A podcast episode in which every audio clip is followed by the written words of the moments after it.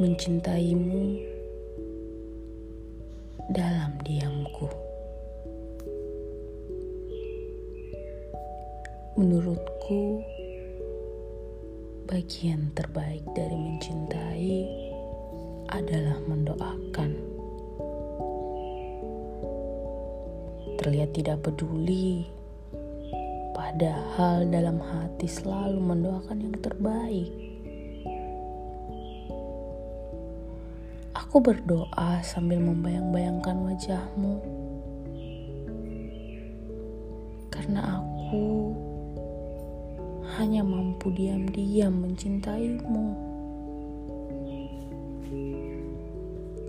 Aku rajin memintamu dalam doa. Walaupun tahu keterkabulan doaku sepertinya jauh dari kata mungkin. Dan sampai detik ini,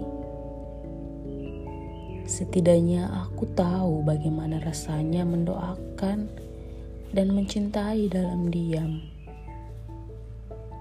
Memendam perasaan rindu sendirian.